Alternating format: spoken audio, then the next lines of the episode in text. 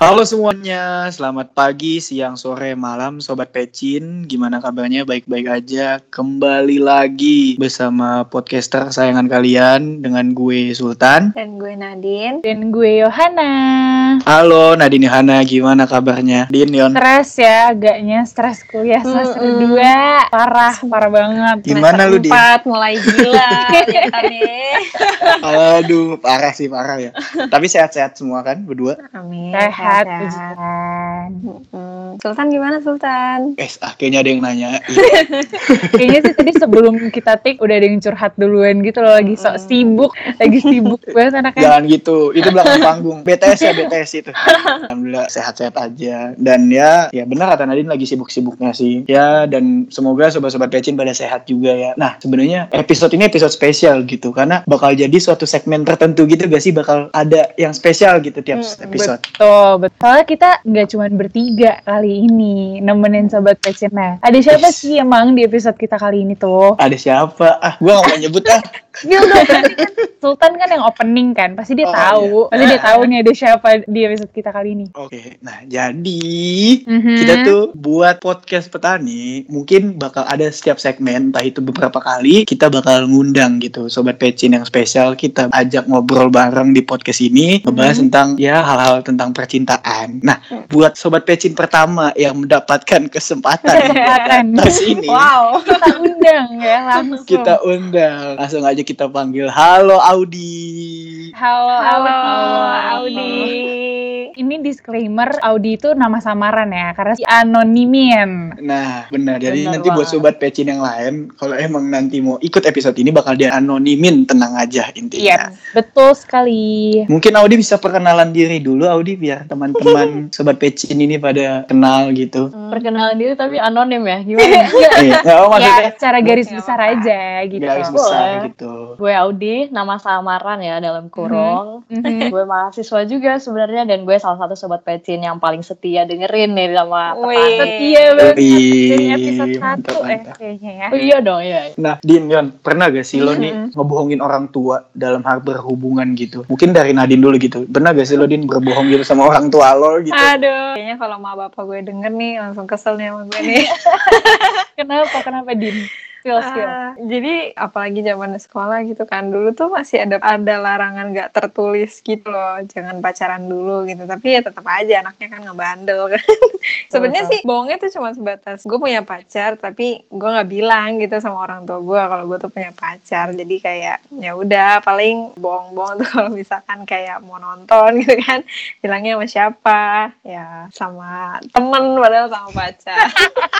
Ya ampun tipikal banget jujur jujur gue juga nggak jauh beda sih sama Nadine. Gue tuh kalau soal hubungan bahkan dari awal gue pacaran gue kayak nggak pernah deh ngomong sama orang tua. Dan Iya, emang iya. nggak pernah ditanyain juga sih. Cuman kalau misalkan mau pergi misalkan sama pacar itu kan ya jatuhnya bohong gitu. Terus kalau misalkan ditanyain pernah pacaran apa enggak apalagi kalau sama abang-abang juga nggak pernah tuh jujur. Kalau pernah pacaran. Palingan gitu sih selalu backstreet gue. Lu gimana tan? Kalau gue sih ya hampir sama sih ya maksudnya buat masa-masa misalnya zaman SMA gitu pastilah bohong-bohong kayak punya pacar gak ditanyain orang tua punya pacar gak lu? Pasti jawabnya apaan sih? Enggak masih Ya, SMA iya. gitu kan Cuma kalau buat kuliah. kalau buat kuliah udah berani kayak bilang ada cuman kayak bukan yang langsung bilang buat jenjang selanjutnya gitu tinggi enggak cuman kayak ada kok. Ya lah gitu bercanda-canda doang gitu Nah, berhubung tadi Sultan udah nanyain pernah backstreet apa enggak sama orang tua, itu berarti kita mendingan ngebahas tentang cinta yang terhalang doa restu. Gimana?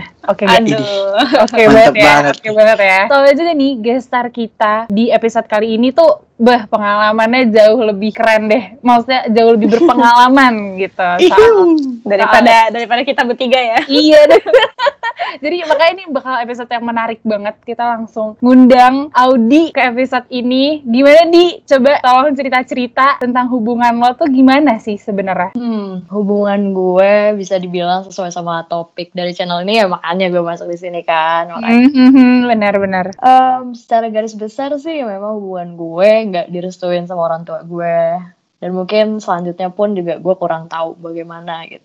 Alasan gak direstuin tuh kenapa? alasan diri nggak direstuin dari orang tua gue itu sebenarnya banyak ya. Karena kan gue itu waktu eh, awal kenal sama dia tuh gue masih bocah lah. Gue masih SMP lah. dari situ gue ketahuan sama nyokap gue dan segala hal yang berhubungan dengan anak SMP pacaran tuh kan kayak nggak baik ya. Dan apalagi em, orang tua gue itu kurang suka yang namanya gue pacaran di saat usia yang masih muda. Jadi orang tua gue mungkin mempunyai alasan pertama di mana orang yang gue pacarin itu kurang bagus buat gue di mana umur gue masih masih cukup kecil gitu kan. Hmm, oke oke oke. sama banget sih sebenarnya gue juga pernah ngalamin hal yang kayak gitu sama orang tua gue juga. Itu alasan kenapa mereka bilang jangan pacaran dulu soalnya karena ya mereka punya alasan. Dan gue pun juga oh ya sekarang gue paham sih gitu. Cuman ya tetap aja kan. Kenapa gitu ya? Kenapa dilarang gitu?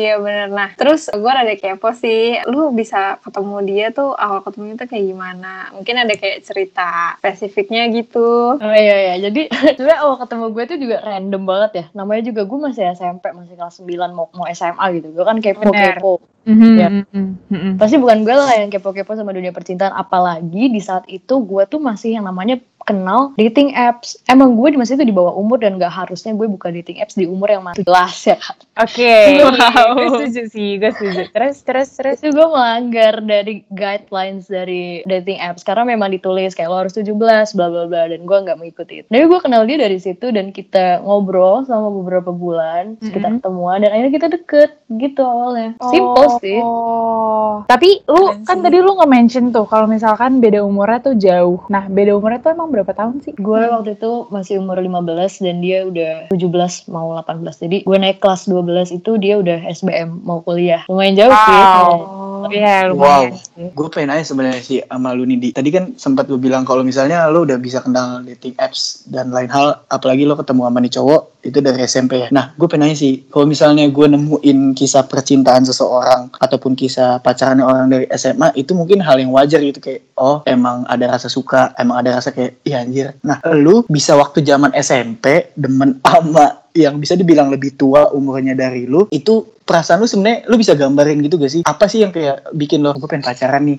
Apalagi lo mainnya lewat dating apps gitu. Emang lo berani gitu sedangkan pada masa itu mungkin ya banyak kayak kisah-kisah kayak zaman dating apps ntar diculik dan lain sebagainya gitu. Bisa lo ceritain gak, Men? gitu Oke, itu sebenarnya pertanyaan bagus banget sih. Gue, ya gue masih kecil, pasti gue banyak yang namanya kekhawatiran gue terhadap dating apps, apalagi sama stranger yang gak gue kenal dan jauh lebih tua dari gue. Bisa aja dia catfish gue kan dan segala macam. Hmm, hmm, hmm. Tapi yang bikin gue tertarik sama dia itu pembawaannya dia. Kayak gue awal kenal dia aja tuh dia udah sangat apa ya jual mahal ke gue justru gue malah kayak eh apaan sih nih? Cowok jual mahal banget sama gue. Nah gue jadinya gue makin tertarik gitu. Nah jadi kita ngobrol tiap hari makin deket terus dia juga kayak makin terbuka sama gue dan gue makin terbuka sama dia. Jadi sebelum kita ketemu tuh kita udah ngobrol lumayan lama. Kita sering kayak video call. Jadi kayak gitu gue udah tau lah kayak kalaupun memang dia bahaya buat gue seenggaknya gue bakal melakukan pencegahan dalam bertemu dia di real life untuk pertama kali. Misalnya gue ketemu dia di tempat mall atau segala macam. Itu sih yang gue lakuin supaya gue kayak meredam perasaan takut gue. Apalagi gue masih SMP gue masih kecil gue masih kayak zaman zaman puber kali ya Benar, benar, benar. Iya benar-benar. masih zaman puber gitu loh masih penasaran sama dunia luar makanya gue ngelakuin itu semua based on rasa penasaran gue. penasaran gitu ya karena Bener. cueknya dia juga nggak sih di jadi lu kayak makin pengen cari tahu nih orang tuh gimana sih gitu ya iya bener banget Ini sih di gue pengen sebenarnya nanya lagi nih banyak yang pengen gue tanya gitu. Gue nggak tahu ya perasaan seorang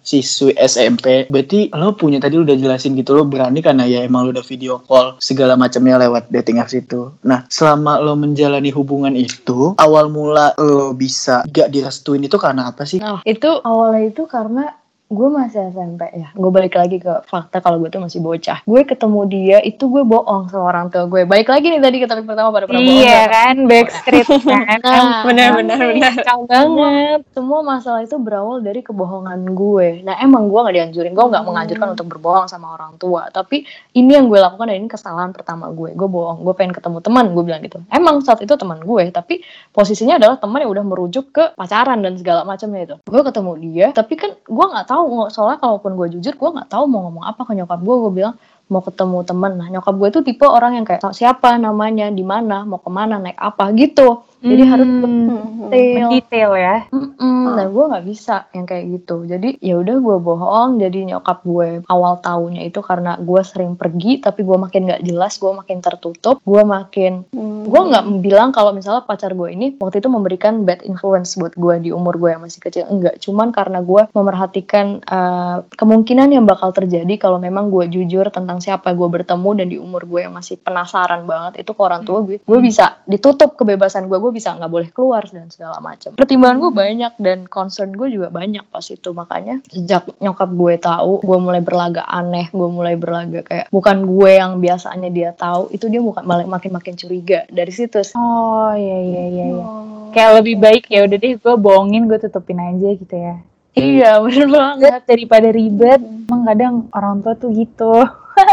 lebih baik kita ya diem diem aja. Terus kan lu kayak bohong dulu kan nih ke orang tua lu dan akhirnya pas ketahuan itu itu yang jadi bikin orang tua lu tuh ya tanda kutip tuh langsung gak suka gitu sama cowok lu apa gimana nih? Nah iya bener banget. Sebenarnya tuh awalnya gini nyokap gue udah udah sadar kan gue aneh dan segala macam gue keluar tanpa izin gue gue suka bohong gitu. Mm-mm. nyokap gue tuh ngumpulin bukti-bukti dulu lah. Jadi dia nggak bisa yang namanya mendekati gue interogasi gue tanpa bukti-bukti yang dia temuin atau dia sadarin gitu. Jadi sebenarnya awal konkret yang bener-bener gue kayak fixnya anak bohong nih gitu. Fixnya anak main belakang belakang orang tua nih gitu. Itu tuh di mana nyokap gue ngeliat chat gue terus satu hal itu ini yang belum pernah gue ceritain nyokap gue tuh liat foto gue sama si cowok ini. Dan itu cowok yang memang mengindikasikan kalau gue ada sesuatu sama dia. Oh, itu wow. posisinya ini ini ceritanya menarik banget. Gue lagi di sekolah terus nyokap gue itu udah kayak kan gue pulang jam sekolah tuh jam 3 lah ya kalau SMA tuh. Kan jadi gue ketahuannya tuh pas SMA kelas 10 udah semester 2 jadi gue di chat sama nyokap gue "Eh, nanti kamu pulang ngomong sama mama gitu. Terus gue kayak nyokap gue nggak pernah nih yang kayak gini. Gue langsung dong kayak ada yang salah nih berarti kan. Ada gue ngelakuin kesalahan di sini. Gue udah takut gue gue gue nggak mau pulang. Pas itu gue bilang gue nggak mau pulang. Gue udah tahu ini pasti ada apa-apa. Akhirnya bener gue sampai rumah pun diinterogasi dan di situ gue ketahuan. Dan dari situ nyokap gue mulai skeptik sama cowok ini kayak kamu harus undang cowok ini ke rumah mama mau ngomong segala Oh my god, oh my god, Ah, serem banget. Itu seru kan? nyokap lo ngomong kayak gitu terus lu gimana di? Maksudnya kayak Ih, gua- reaction lu gimana? gue mau meninggal anjir sumpah. Gue Mau nggak bisa meninggal. nggak bisa gue Kocak banget. gue udah deg-degan banget. Gue keringet dingin. Gue nggak bisa tidur berapa hari. Gue kayak gue ngomong ke cowok gue gimana nih? Kalau mis- itu pun kalau dia mau datang ya. Kalau misalnya dia nggak mau datang gimana? Gue gue makin fuck up lah. Makin gue nggak nggak bener pokoknya. Tapi nyokap gue tetap bilang pokoknya mama mau ketemu dan mau mama ajak ngomong. Dan di situ nyok eh, cowok gue tuh pun ngeiyain. Dan akhirnya dia dia datang sih syukur-syukur ke rumah. Nah di sini nyokap gue makin kayak kamu kenapa bisa sama anak saya? Gitu gitu kamu kenapa bisa membawa pengaruh ini ke anak saya. Kamu kenapa anak saya kenapa jadi suka bohong sama saya? Padahal anak saya nggak pernah kayak gini. Dan jadi nyokap gue itu eh, mengambil kesimpulan yang salah dari hubungan gue sama dia gitu. Coba aja. Oh.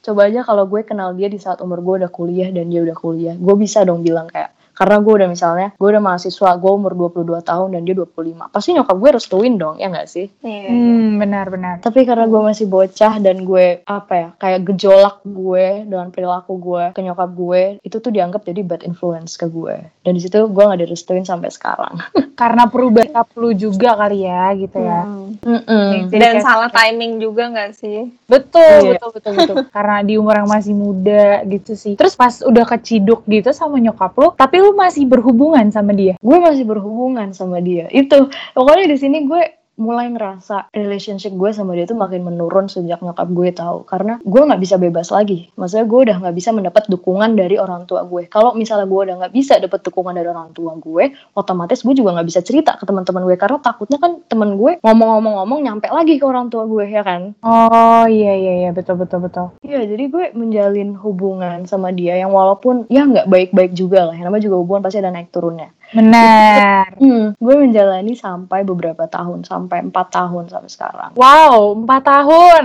gokil sampai sekarang. Tapi itu lama loh. Iya loh, lama banget. Nah ini sih, gue tadi dengerin cerita lu, makanya gue diem, gue sebenarnya mencerna gitu. Dari ceritanya si Audi ini ya, menurut gue. Oh iya iya Tan. gue pengen nanya sih, dari yang Audi ceritain ini tentang dia ketahuan dan bahkan sampai iya bahasanya itu Audi sampai nggak bisa tidur karena emaknya memanggil pacarnya segala macem deh intinya kan pahit-pahit banget ya nah ini sebenarnya ada gak sih kayak dari lo backstreet itu dan gak direstuin ada gak sih hal-hal yang manis gitu dari kepahitan itu semua pasti ada dong kayak hal-hal unik atau manis yang bisa lo ceritain gitu Pasti ada dalam dong. hubung- uh, uh. Kan gue pacaran, pasti gue mendapatkan apa ya positif dari pacaran ini. Gue ada teman cerita, gue ada teman main, gue ada teman buat menjadi diri sendiri segala macam ya. Ya tapi ya itu, gue nggak bisa melakukan hal-hal yang bisa dilakukan orang pacaran lain gitu. Karena orang pacar lain kalau misalnya bisa jemput di rumah dan gue nggak bisa. Terus bisa dia dikenalin ke orang tuanya, gue nggak bisa. Gue bisa foto-foto gue dan diupload di sosmed, gue juga nggak bisa. Banyak banget privilege yang nggak gue dapat karena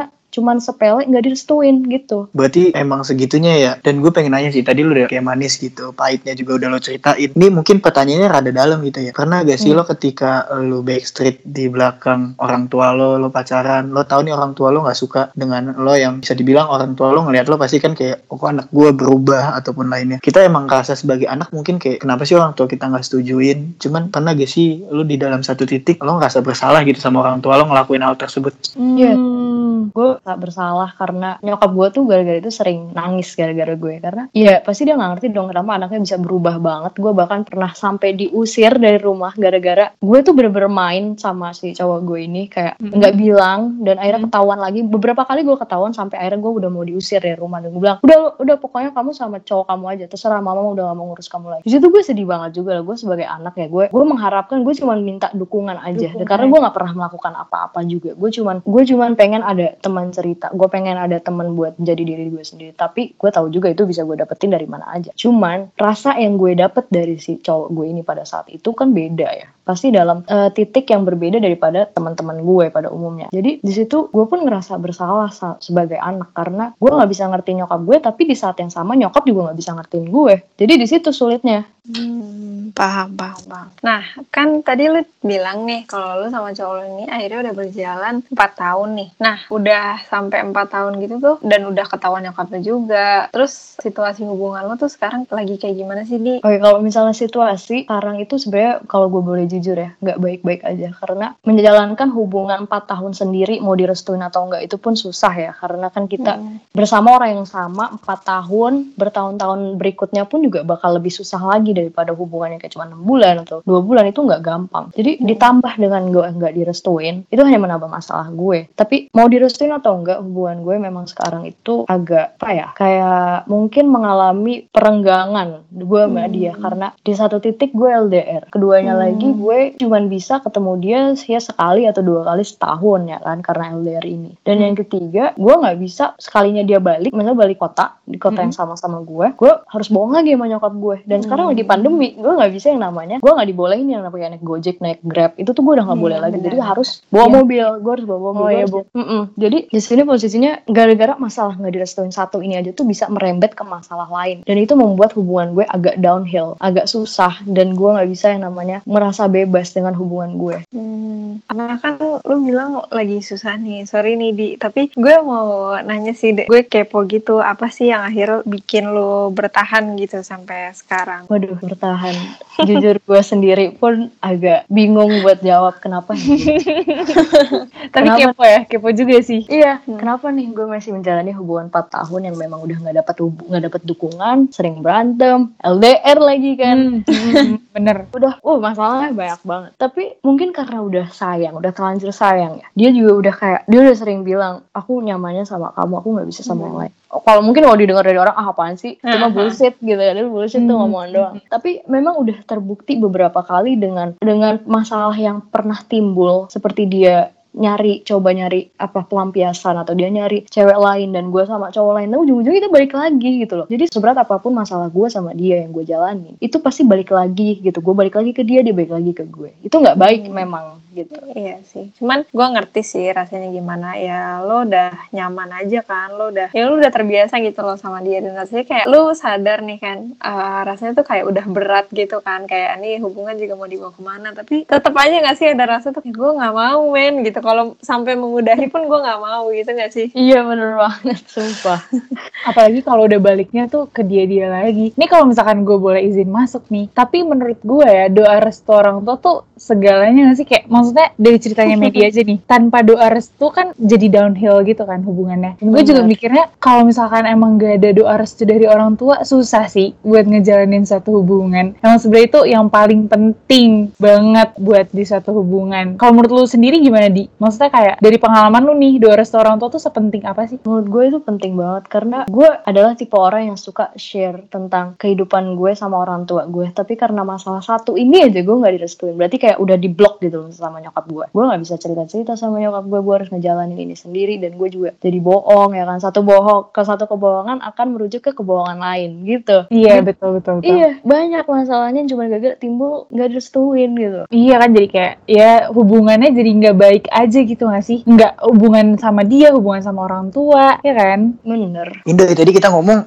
emang rada deep gitu ya gue nggak tahu kayak episode kali ini tuh lebih deep aja Emang Nah, agak-agak ini ya, Heeh, serius agak-agak. dikit gitu. kayak entah emang ada hubungan dengan orang tua atau enggak cuman udah nggak cerita dari Audi ini rada sedih juga sih maksudnya kalau misalnya gue di posisi Audi mungkin kayak gue nggak bisa gitu buat gak bohong sama orang tua dalam satu sisi cuman mungkin sisi kebatinannya kayak eh anjir oh gue bohong sama orang tua tapi gue nggak tahu ya bener gak sih dia lo ngerasa kayak gitu di bimbang gitu kan apa ya kalau gue bohong gue ngerasa bersalah karena gue sebagai anak kan harus ya jadi anak yang baik gitu cuman Mm-mm. kalau gue nggak bohong itu akan merujuk ke masalah lain yang memang nggak gue pengen buat Nah, terjadi benar. Benar, benar, benar. dan gue dengar cerita lo lo tadi lagi berjalan sekarang cukup lama gitu empat tahun. Dan sekarang pun katanya yang gue cuma nyebutin apa yang lo omongin ya. Lo bilang lo lagi renggang juga sama pasangan lo. Terus sekarang mungkin ini pertanyaan terakhir dan deep question juga sih menurut gue lo tahu hubungan lo nggak direstuin sama orang tua? Dan lo tuh masih tetap sering berantem sama pasangan lo sekarang. Terus kalau misalnya gue bisa tanya nih ke Audi yang emang mikirin dirinya sendiri apa yang lo dapetin sih di dengan pengorbanan lo lo berantem sama orang tua dan bahkan mungkin lo yang sering berantem pasti kayak ada sedih dan sakit hatinya gitu. Hmm, apa yang lo dapet gitu di? Yang gue dapet sih ya gue dapet seseorang yang bisa mengerti gue seseorang yang bisa ngasih waktunya buat gue. Cuman yang nggak gue dapet adalah ketidakpastian dari orang ini dan ketidakpastian dari ma- ke mana tujuan dari hubungan gue ini. Jadi gue nggak bisa yang gue bukan orang yang tipe eh, gue tuh hanya hidup untuk sekarang. Gue tuh pengen melihat ke masa depan gitu. Kalau misalnya gue terus-terusan jalanin hubungannya kayak gini yang pasti gue sadar kalau misalnya hubungan ini nggak bisa dibawa ke mana-mana dan hanya sampai sini aja. Maksud gue ya sebatas pacaran ya kan. Di Hmm. suatu saat gue harus tahu gue gue harus bisa ikhlas kalau misalnya memang dia pengen pergi atau pengen dia gue ditinggal nikah deh. Itu aja deh yang paling paling realistis ya. Pasti gue bakal ditinggal nikah one day. Kalau memang masa ya gue mau kawin lari gue mau kawin sendiri? Kan nggak mungkin.